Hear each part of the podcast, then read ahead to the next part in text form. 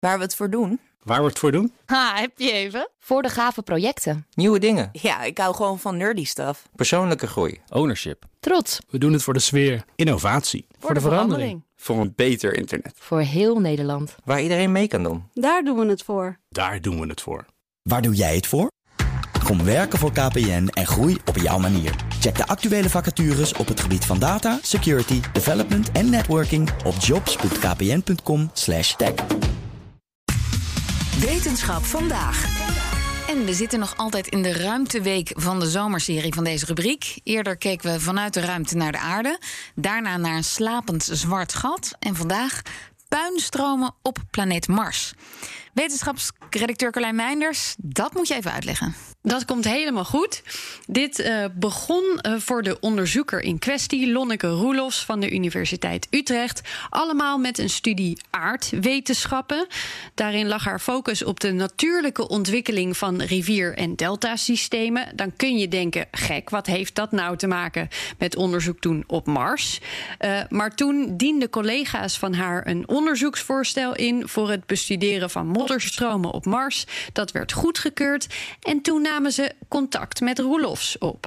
Toen dacht ik, ja, Mars, wat moet ik daar nou mee? Ik ben toch rivierspecialist?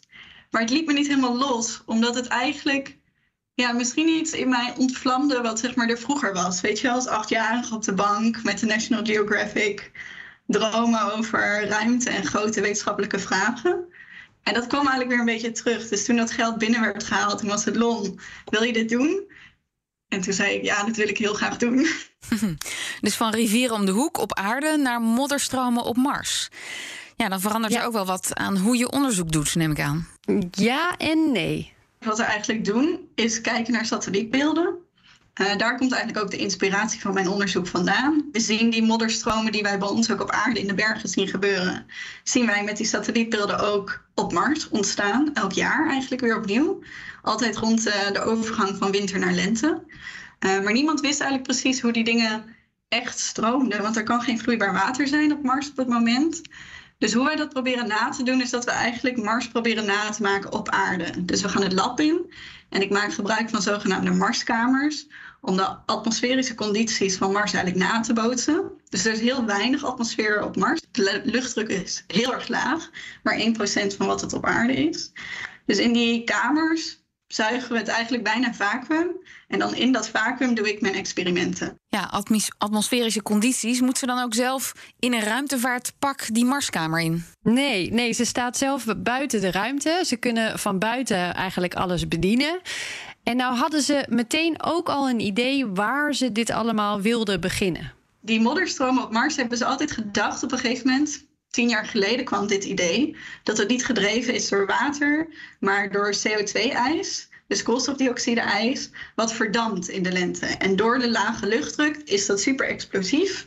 En het idee was dat die gasdruk eigenlijk dan ook het zand kon laten stromen. En dat kan dus allemaal in zo'n Marskamer nagebootst worden. Ja, ze hebben in die kamer een soort stroomgoot en een helling, waarmee ze eigenlijk een berg op Mars namaken. Van bovenin verzamelen we in een bak zand met CO2-ijs. En op het moment dat de kamer op druk is, laten we dat eigenlijk los. En door de warmte van de bodem van de goot eh, en de warmte van de kamer zelf gaat dat ijs verdampen. Eigenlijk noemen we dat sublimeren, want je gaat niet over van ijs naar water naar damp, zoals we op aarde zouden hebben. Maar je gaat over van ijs naar gas. En dat gebeurt dan als we het loslaten. En dan stroomt het dus verder uit. Dus ze hebben eigenlijk laten zien, het kan. Ja, ja, eh, vergeet NASA, ESA, de Russen, de Chinezen. Lonneke Roelofs en haar collega's hebben als eerste laten zien... dit is mogelijk de verklaring voor die puinstromen. Want er zijn wel eh, beelden van hellingen op Mars voor en na zo'n puinstroom. We weten dat ze bestaan, maar ze zijn nooit terwijl het gebeurde vastgelegd. Dus op deze manier laten zien, zo kan dit gebeuren zonder water... is enorm belangrijk. En voor de onderzoekers zelf... Fantastisch. Want niemand wist dit natuurlijk, dat dit zou gaan gebeuren. We hoopten hier heel erg op. Dus we hebben het wel grappig. eh, Ik was, want deze kamers hebben wij niet hier in Nederland. Dus ik was voor mijn eerste experiment in Engeland. En ik had één technicus van ons lab mee. Meer mocht niet, want het was echt nog uh, de tweede coronazomer. Dus het was heel moeilijk. Dus ik stond daar met mijn technicus vanuit Nederland, de technicus van het lab daar.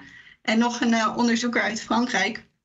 Nou, we stonden echt te springen met z'n allen in het lab van blijdschap dat het echt lukte. Want dit was voor het allereerst dat we zo'n stroming hadden gecreëerd. Dus echt als vier blije geiten sprongen we met z'n allen door het lab heen. en wil ze hier nu ook mee verder, als ze zo blij is? Zijn er nog andere Marsvragen die ze wil beantwoorden?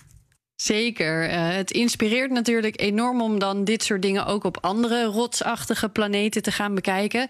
Nu we weten, dit soort dingen hoeven niet door water te komen. Het kan ook anders. Dat levert een nieuwe blik op eigenlijk. Maar ook met Mars zelf is ze nog niet klaar. Maar dan wil ze de geologische processen vooral terug in de tijd bestuderen. Of we eigenlijk dus iets meer kunnen ontdekken over die klimatologische geschiedenis van de planeet. Juist door naar het landschap te kijken. Dus zien we die CO2-gedreven processen op landvormen die veel ouder zijn. Zegt dat dus iets over de atmosfeer op dat moment? En kunnen we daarmee dus misschien iets beter zeggen over waarom dat Mars die atmosfeer nou verloren is en hoe dat precies is gegaan? En wat voor invloed dat dan weer heeft op de verschillende processen op het oppervlak? En nou ja, zover zijn we inmiddels. Kan er niet gewoon een camera neergezet worden bij zo'n puinstroom? Nee, niet, uh, zeker niet zomaar. Want die puinstromen die komen vooral voor in de bergen, op steile hellingen. Dat landschap is enorm ruig, waar bijvoorbeeld een Marsrover niet zomaar kan mm -hmm. komen. Nog één klein dingetje. Dit, dit was het allereerste radio-interview dat Roelofs deed. Complimenten dus. Uh, en toen ik het met haar daarover had, toen bleek ze op dat gebied nog wel een grote wens te hebben. Dus een klein oproepje als afsluiter, want ik ben de vervelendste natuurlijk niet. Mijn allergrootste droom is stiekem nog een keertje in het klokhuis komen. dus ik hoop heel erg dat ik ergens tijdens mijn promotietraject dit nog een keer mag doen. Nou ja, ik, uh, alle klokhuismedewerkers luisteren sowieso naar ons. Dus dat komt wel goed. Dankjewel, Carlijn. Sowieso. Ook Thomas van Zeil vind je in de BNR-app. Je kunt live naar mij luisteren in Zaken doen. De BNR-app met breaking news, het laatste zakelijke nieuws... en je vindt er alle BNR-podcasts, bijvoorbeeld Het Nieuwe Geld. Download nu de gratis BNR-app en blijf scherp.